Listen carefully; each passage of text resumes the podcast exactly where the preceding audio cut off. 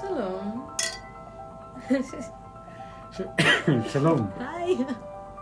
שלום, שלום. תיקים באפלה. ממש, תיקים באפלה. פודקאסט נכון. שמשדר מקרי פשע אמיתיים, מביא. insight אל מאחורי הקלעים שלהם, אשר כל שבוע אחד מאיתנו, או אני אריאל, או אבא שלי נתנאל סמריק. ביחד, בוחר- אחד. אחד מאיתנו כל שבוע בוחר סיפור שמעניין אותו, מושך אותו איכשהו. חוקר עליו ככה טוב טוב במהלך השבוע, ומביא אותו לכאן להשמיע אותו לבן אדם השני, והפעם הראשונה היא יחד איתכם. כן, והפעם סיכמתי טוב? סיכמת מבריק. תודה רבה. השני לא יודע על מה אנחנו הולכים לדבר, אפילו כי פה בתוך תקשיב, האולפן. התאמנתי על הפתיחה, התאמנתי, סתם, סתם, לקטוע אותך כל פעם. האמת היא אה, אה, מצוין שהתאמנת על הפתיחה, כי בינינו, מי שמחזיק עכשיו את התחקיר על הפודקאסט הזה, הוא אני. אז לקחת לך טיפה מהקרדיט. אז כמי שתחקר השבוע את הפרטים, והאמת היא שהשבוע אה, שמתי תמונה מאחורה, שהיא באמת תמונה שהפכה ויראלית ברשתות החברתיות, תכף נתאר לכם אותה. וכמו כל פעם, כמו כל פרק בפרקים האחרונים, נעלה אותה לרשתות החברתיות. נכון, יש לנו את הקבוצה יש בפייסבוק. לנו את הקבוצה בפייסבוק ובאינסטגרם, שם על שם הפודקאסט, תיקים ואפלה, אריה ונתנאל סמרי. חוץ מזה אפשר גם לשמוע. אפשר להקשיב. בהחלט לשמוע בספוטיפיי, באפל פודקאסט וב-RSS. תיקים ואפלה, אריה ונתנאל סמריק. התמונה מאחורינו היא של מסעדה. ברחוב דיזינגוף בתל אביב, מסעדת ישקה, מסעדה יהודית. אפשר לראות מאחוריה גם את הלוחמים של היחידות המיוחדות חמושים, כלי נשק. האצבעות נמצאות בתוך, על ההדק, ויש יהודי חרדי יושב עם מבט אל השמיים, מתפלל ברקע, וזה מה שקרה ברחוב דיזינגוף השבוע, היה שם רוצח סדרתי. רצח שלושה. אנחנו מדברים על אה, תל אביב, ישראל, 2022, אמצע חודש אפריל, נכון. ואמרתי לעצמי, אחרי שהכנתי, ואולי ניגע בזה ממש בנגיעה, כי אנחנו באקטואליה, רוצחים סדרתיים סביב אקטואליה וספרות. כן, רק. שזה פרק המשך ללפני שני פרקים. בדיוק. ספרי. ספר אתה, אתה הבאת את הפרק. אז לא אה, רוצה לגנוב לך יותר מדי קרדיט. תגנבי הכל, זה יאללה, את. אז תסביר אתה, זה... אנחנו מדברים על אקטואליה וספרות, ובפעם הקודמת דיברנו על אה, מעשי רצח שהיה במימד אקטואלי, היו בחדשות, היו בסרטים דוקומנטריים, וגם נגיעה בעולם הספרות, רוצח אמזון, שהיה משאיר את הביקורות שלו על מכשירים ותכשירי רצח, לא על ספרים. ביותר פרקים תחזרו לפרק הקודם במיני סדרה. ועכשיו אנחנו מדברים בפרק השני גם על אקטואליה, אי אפשר שלא, זה ממש ליד הבית, גם אם זה בעוד חמש שנים תשמעו את זה, בעוד עשר שנים, 2022, תרשמו את התאריך, אפריל, תקופה של סדרה של פיגועים של רוצחים סדרתיים פלסטינים וערבים בתוך ישראל. ואנחנו מדברים על מעשה רצח שקרה בתוך דיזנגוף סנטר. נתחיל קודם כל, אריאל, את שומעת על הרצח הזה איך ומתי? אמ, עם חברים. פתאום אחד מהם פתח, אה, לו התראה מחמ"ל, שזה... אמ, אתר אינטרנט של אה, מיידיות. נכון, זה מסתכל לנו, אומר לנו, היה פיגוע, אמ, מה עושים? ופתאום היה איזה כמה, כמה זמן של... אמ, כולם מתקשרים לאנשים, לבדוק כאילו, כי קרוב, כולם דואג, דואגים לסביבה שלהם. אה, ואני איך אתה, איך אתה שמעת מזה? שם לנו ברקע, תוך כדי אתם יכולים לשמוע, וגם תוכלו לראות, ואנחנו גם נעלה את זה, אה, מאתמול בלילה, שש דקות נסיעה נמצאות ברקע ברחוב דיזינגוף, היממה שאחרי. אפשר לראות את זה, הרי את לא ראית את זה, אפשר לראות פשוט את הרחוב בשקט. נוסעים ורואים ושומעים מה היה שם. עכשיו, הסיבה שבחרתי בפיגוע הזה להתמקד בו במפגש הזה היא מכמה, מכמה וכמה סיבות. הראשונה שבהם תכף, והיא פיגועים ברחוב דיזנגוף ברבע המאה האחרונה, הם מאוד מאוד דומיננטיים בחיים האישיים שלי ולא רק שלי. אתה רוצה שאני אגיד משהו? אתה רואה? את יכולה להגיד כל דבר שאת רוצה תוך כדי, תוך כדי זה אנחנו רואים את התמונות מדיזינגוף, את השקט שיש, ממש את ה... את ה... אין פקקים. הרחוב כמעט ריק, ותכף נגיע ונוכל לראות בדיוק מה קרה יממה אחרי בפיגוע עצמו, ולאורך הפיגוע הזה אני, לפני רבע מאה, זה נשמע של זקנים אבל זה לא היה מזמן. מצאתי את עצמי משדר כמה וכמה פיגועים, ככתב גלי צה"ל, ככתב מדיני, ככתב מפלגות, פשוט יפו מאוד מאוד קרוב, אנחנו גם נדבר על יפו, המחבל ברח ליפו, ויפו היא גם מקום מאוד נוכח בחיים שלנו, אנחנו נמצאים שם לפחות לפחות פעם בשבוע. פעם בשבוע, לפחות. ובמסגד הזה, שבו הוא נורא, אנחנו נמצאים שם לידו ממש פעם בשבוע, בסיבוב השבועי, זו עיר שאנחנו מאוד מאוד אוהבים. רוצה לספר מה קרה לפני אה, חצי מאה? מה חצי מאה? לא חמישים שנה, רבע מאה. לא, לא, אני באתי... בואי לא נעגל את זה. לא, אני באתי להריב. הבנתי. חצי. לא, לא. בוא נגיד רבע מאה. הסיפור, הפעם, לא אני אספר אותו, וגם לא את תספרי אותו. אנחנו נצרף משהו שלא עשינו עד היום, ואנחנו נצרף לפיגוע הזה בדיזינגוף את הזיכרונות של רוצח סדרתי אחר, שלפני רבע מאה, בת משפחה שלישית שאנחנו היינו בה, ומכירים אותה, ומאוד נשמעת מאוד, ככה. אני כן, אולי מאוד. פגשתי אותה פעם, פעמיים. מאוד מאוד אוהבים אותה, ואנחנו נחזור אל התמונות מתוך דיזינגוף. אנחנו נראה ונשמע דווקא את הדברים ואת העדות שלה ובקולה. גם הסרטון הזה ייעלם. גם הסרטון הזה יעלה, או הסרט הזה, מתוך האולפן.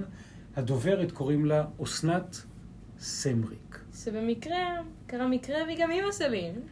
וגם, והיא גם אה, אימא של האחים גם- שלך, גם אשתו. וגם אשתי הנוכחית, העכשווית. והעתידית. לא. שלום, אני אסנת סמריק, אה, אימא של אה, קסם, אייל ואריאל. אה, אני הוצאתי ספר בשם הנדי, עשר אצבעות בשתי ידיים, ספר עשה זאת בעצמך. אני בעלת אה, הוצאה לאור, בינלאומית, ואני רוצה לספר לכם על רגע אחד של דממת מוות. יש לי רגע אחד כזה, שהוא רגע שמחבר את הכל ביחד. כל התיאור אה, של מי אני בעצם. אמ, אני ובן זוגי שיחיה אה, נפרדנו באותו יום. הוא החליט שהוא לא בטוח, הוא לא ידע, כן, לא, שחור לבן, היינו בני מצחיק שלך, 23. אבא, מצחיק. פחות. ואז הראיתי לו את הדלת ואמרתי לו תודה רבה, יכולת להיות אב ילדיי, אבל אה, אל תתקשר ואל תבוא ואני אמשיך הלאה.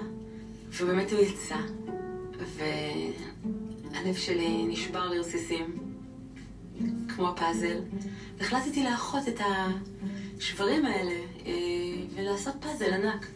זה היה לי פאזל מורדילו כזה, הוא בלתי אפשרי, שעד היום יש לנו אותו בבית.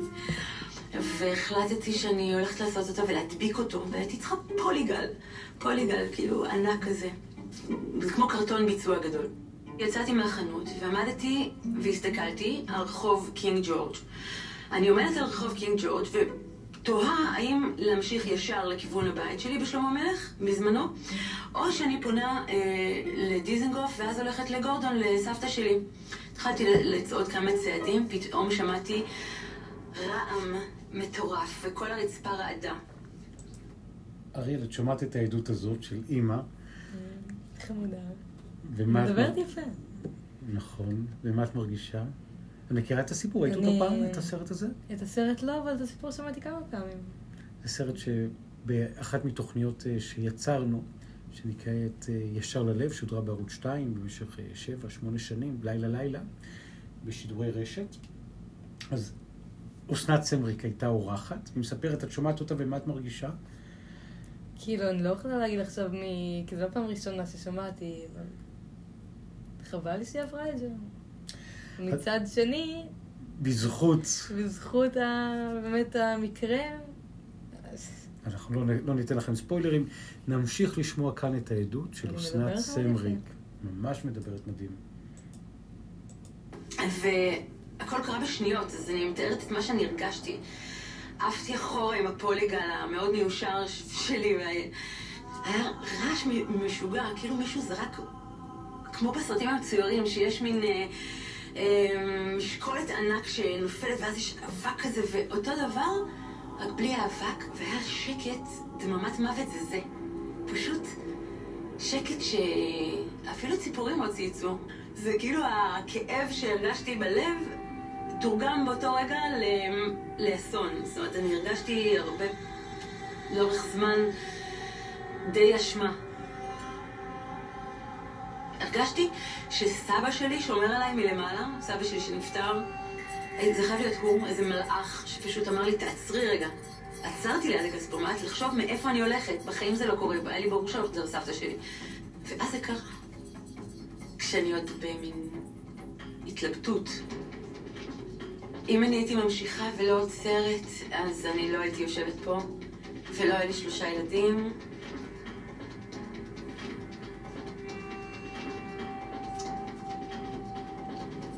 אני כל כך לא חשבתי על זה מאז, זאת אומרת... אה,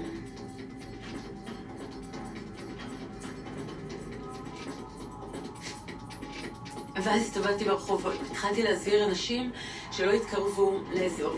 אה, החלטתי שאני שוב קצינת ת"ש אה, גיבורה ומעולה. אה, שאני פשוט הזהרתי את כולם, אמרתי להם, היה פיגוע, היה פיגוע. אני זוכרת שהגעתי לבית, ש... של הבית השכור שגרתי בו עם השותפים שלי, ישבתי על הרצפה, זוכרת מה לבשתי, חולצת משבצות, גופייה מתחת, מכנסיים ארוכים, צמר כאלה כחולים, הייתי בהלם מוחלט. מה אומר? אני בזמן הזה הגעתי מטעם גלי צה"ל, שמעתי כמובן שיש פיגוע והגעתי אה, כדי לשדר את הפיגוע. איש עכשיו- תקשורת כל הדרך. ואני אה, אה, הנחתי שאסנת, שאותה אז כהיום מאוד מאוד אהבתי ואוהב, הנחתי שהכל יסתדר כטבעם של דברים במועד המתאים, לא העליתי על הדעת שהיא נמצאת באזור. והגעתי לאירוע והתחלתי לשדר, אני גם שידרתי את האירוע, את הפיצוץ שהיה בתוך אוטובוס קו 5 בדיזינגוף, שהיה, הייתה תקופה, אנחנו מדברים על אמצע שנות התשעים, של פיגועי התאבדות, של מחבלים מתאבדים שנפגעים, שמתפוצצים בתוך אוטובוס, הרבה מאוד נפגעים, הרבה גופות, הרבה הרוגים, לא שלושה, לפעמים אפילו עשרה, חמישה עשר, שישה עשר, עם הרבה שידורים חיים כדי לבוא ולספר ולתת ולהעיר תמונה של מה שקורה. וגם בפיגוע הזה, מצאתי את עצמי מגיע אחרי שהמחבל המתאבד הזה התאבד במעבר החצייה בדרך לכספומט ליד דיזנגוף סנטר, מגיע לאזור ומשדר ומסביר ורואה ומה שקורה. ותמיד ליד אירוע כזה יש את הנפגעים הישירים, יש את כוחות הביטחון, המשטרה, מד"א, וכמובן גם את נפגעי החרדה ונפגעי ההלם, אנשים שהם בהיקף, שראו, ששמעו וכולי. ואסנת מתארת שהיא ממש ראתה את מה שקרה במרחק הליכה, שמעה את הבום של המחבל המתאבד על מעבר החצייה, שנמצאת שם באזור הכספומט עם החומר הזה עבור, ה... עבור הפאזל של האלף חלקים, כדי לחבר אותו מחדש. היא חוזרת הבית, היא בהלם, אני ממשיך בשידורים. ואז אה, הבחור שנפרדתי ממנו, זה אני. אז התקשר, מסתבר שהוא היה באותו מקום, אבל הוא היה, הוא היה באזור, הוא הגיע מהר לשם, הוא חטף למישהו את הטלפון, ופשוט התחיל לשדר את זה בגלי צה"ל. אה, היום אני נשואה לאיש הזה. והוא אמר לי, הכל בסדר, עכשיו לא שמעתי אותו, והתחלתי לצרוח לו בטלפון, אני לא אייטם, אני לא אייטם, אתה לא תראיין אותי לשום מקום. זה, ו... אז הוא אמר לי, אני אוהב אותך, הכל בסדר, וכשהוא אומר שהכל בסדר, אז הכל בסדר. תמיד זה היה ככה בינינו. אז הכל היה בסדר. והיום אנחנו זוג, ויש לנו שלושה ילדים, שני כלבים. הוצאה כבר לאוכל. לא שני כלבים. כן, יש לנו שני כלבים דאז, היום יש כלב אחד שקוראים לו טומי. אוקיי. אריאל, את שמעת את העדות הזאת, ו... רואים שהיא מתרגשת. ממש. הרגע הכי מרגש שאני זוכרת בתהליך ההוצאה לאור זה שפתאום החברה שלנו התרחבה מבית קטן בשדרות יהודית של שני חדרים למפעל ענק של המון עובדים, קומה שלמה של אה, משרדים. כן, ממשיכה בתוך התוכנית ומתארת את החוויות אסנת סמריק של האירוע דיזנגוף. דיזנגוף. רוצחים סדרתיים, תיקים באפלה. אפשר לחבר את שני הפיגועים שאסנת מספרת עליו והפיגוע האחרון. נכון. מיקום דומה, דיזנגוף. מיקום דומה, דיזנגוף, לב הישראליות, ובתוך המקום הזה, שהוא באמת אה, מקום אולי הכי משמעותי, באיזה מובן הוא הכי משמעותי? הוא לב הישראליות. הישראלים נמצאים שם היום חמישי בערב. יש זווית אחת, שהיא זווית מאוד מאוד יוצאת דופן. באיזה מובן היא יוצאת דופן? באיזה מובן? יוצאת דופן במובן הזה שאם בפיגועים קודמים אנחנו רואים מכנה משותף. אחד, יש שם גם ערביי ישראל שמעורבים, מסייעים וכולי, וגם ערבים שמגיעים חלקם מהשטחים בשיתוף פעולה. ואם בפיגועים קודמים אנחנו רואים שמישהו נורא במקום, פה באופן יוצא דופן הוא גם כן מצליח להימלט כמה וכמה וכמה שעות ליפו. משם הוא יצא בפיגוע הזה ולשם הוא חזר. בפיגוע הזה יש עדות שהיא מאוד מאוד מעניינת, שהיא האבא של המחבל. האבא של המחבל הזה הוא גנרל, קולונל בצבא הפלסטיני, משטרת הפלסטינית. והוא אומר להמונים, הוא משבח את הפעילות של הבן שלו שנהרג. והוא אומר, העם שלנו לא מחפש הקלות בסגר, בחודש הרמדאן. העם שלנו מחפש חירות ועצמאות. עמנו מחפש את מסגד אל-אקצא, הוא מחפש להתפלל במסגד בלי לחשוש. העם שלנו מחפש חירות לילדיו ופרנסה, ולא אישור כניסה כדי לקבל משכורת טמאה. אומר אב לזכרו של הבן שלו בן ה-28 שנהרג. ופה, כיוון שכבר רבע מאה, עוד לפני שאתם נולדתם, אריאל. רוצה להגיע למעלה שנייה? את כן. המספר? חצי מאה, סתם. רבע. רבע ניתן. לך- את הרבע מאה. רבע מאה.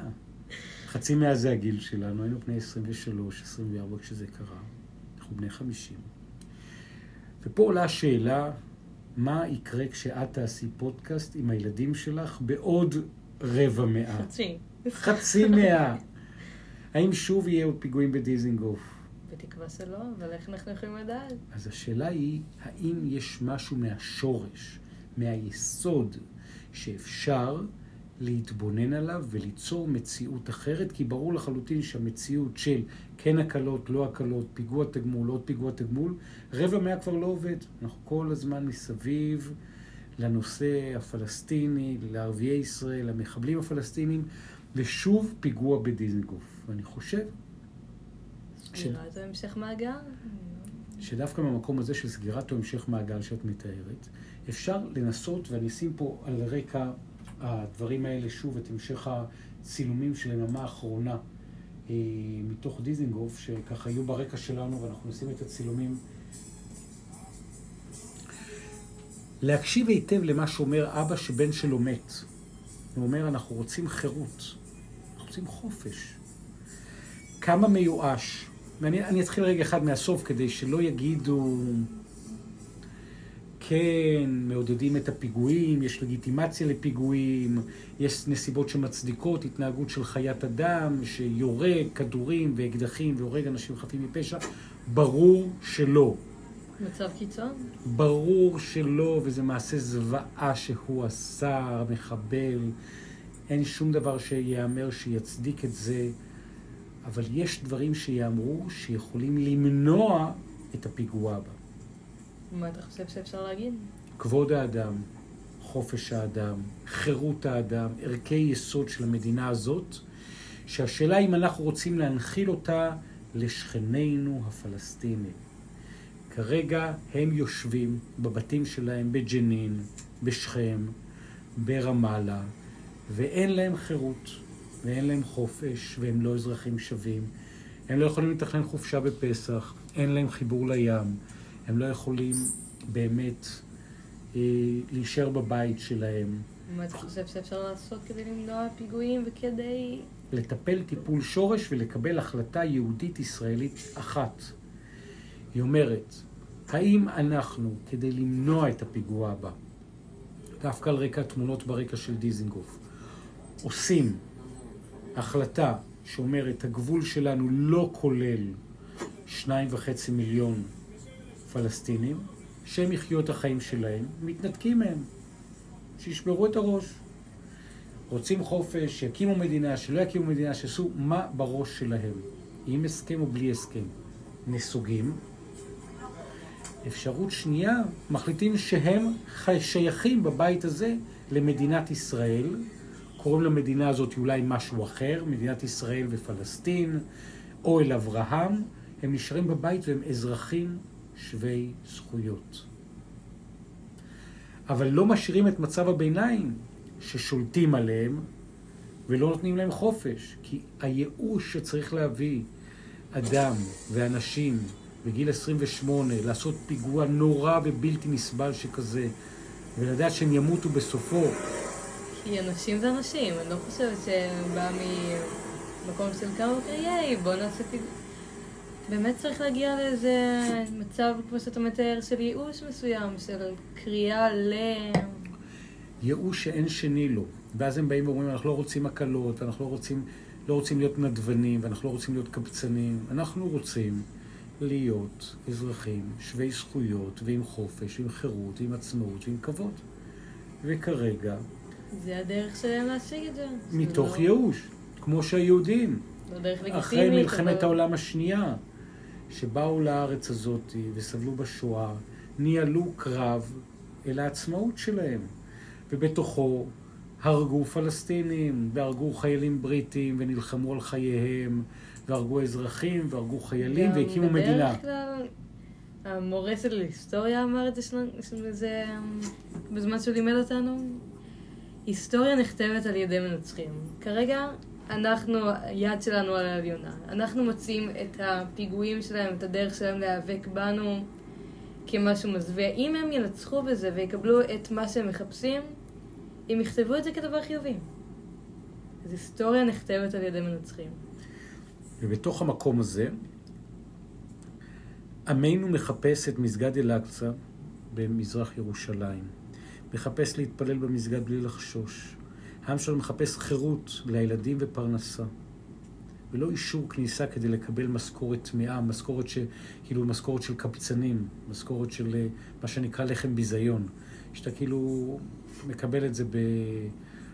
עם ביזיון. והשאלה היא, האם אנחנו לעצמנו רוצים חופש, חירות ועוצמה?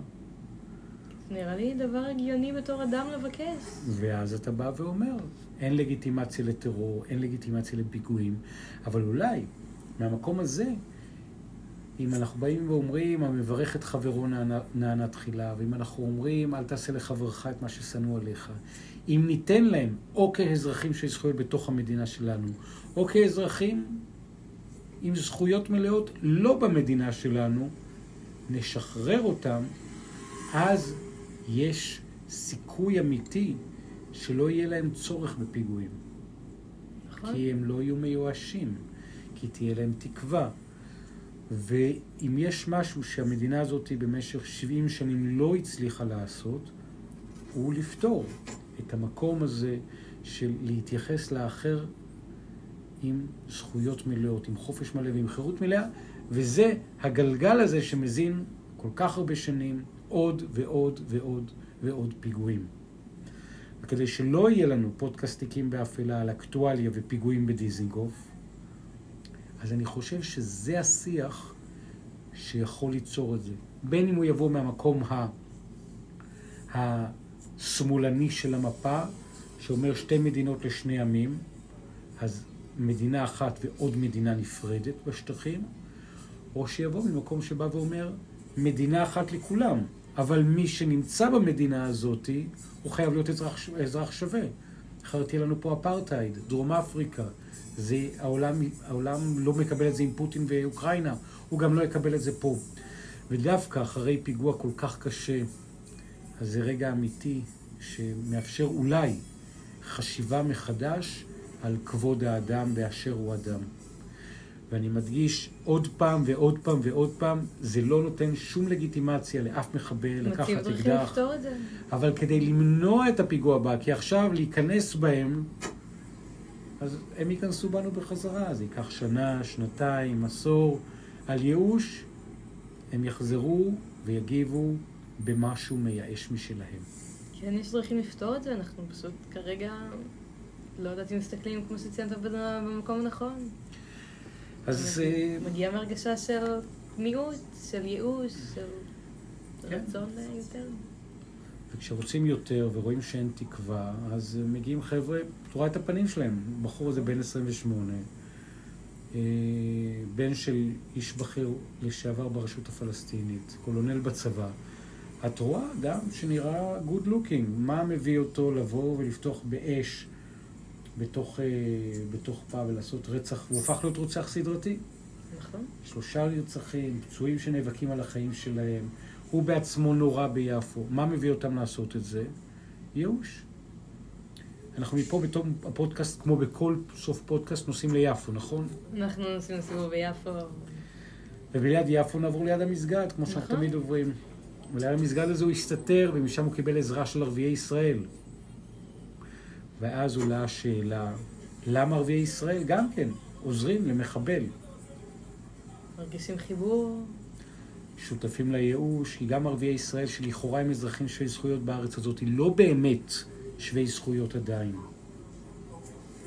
לא באמת מקבלים את הכבוד שמגיע להם. יש שכונות ביפו שנראות כמו שכונות בעזה, שנראות כמו שכונות הרוסות נראה בקייב. לי גם כל...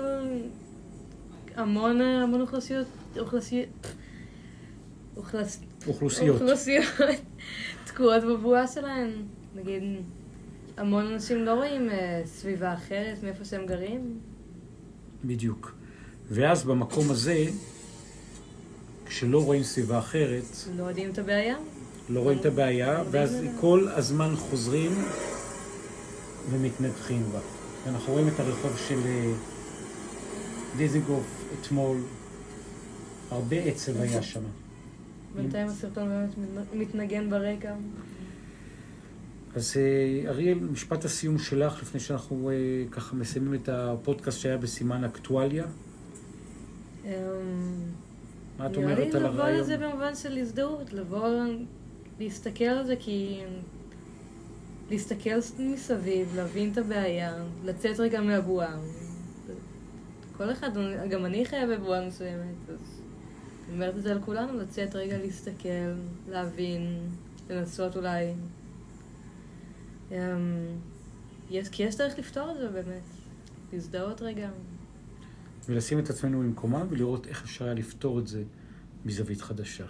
תיקים באפלה, פרק סביב האקטואליה שתוקפת כאן, גם בתל אביב. תודה לך, אבא. תודה לך אריאל, וגם תודה לאסנת, תודה, סמריק, אמא. שהייתה שותפה מלאה להגשת הפודקאסט. הזה, נכון? ממש, דיברה מדהים, כן. התרגשה. נכון, נעלה את הסרטון, תוכלו לראות באמת ברשתות החברתיות, באינסטגרם, בקבוצה בפייסבוק, שניהם על, אמ, על שם הפודקאסט תיקים באפלה, אריאל ונתנאל סמריק. אפשר להשמיע אותנו באפל פודקאסט, בספוטיפיי וב-RSS, גם תיקים באפלה, אריאל ונתנאל סמריק. תודה רבה לך אריאל. תודה לך ותודה למקשיבים. תודה לכם, אנחנו יודעים שאתם מצטרפים מאות, מאות, מאות רבות. אנחנו מודים לכם על זה. אנחנו אה, נשמח שתמשיכו לשתף, תגיבו, תשלחו רעיונות. הצעות, רעיונות. אנחנו פתוחים לכל רמה של דיאלוג כדי להביא עוד ועוד אה, תיקים באפלה ולנסות לחקור באמת את שורש להתנהגות הזאת. תודה רבה לכם. תודה לכם.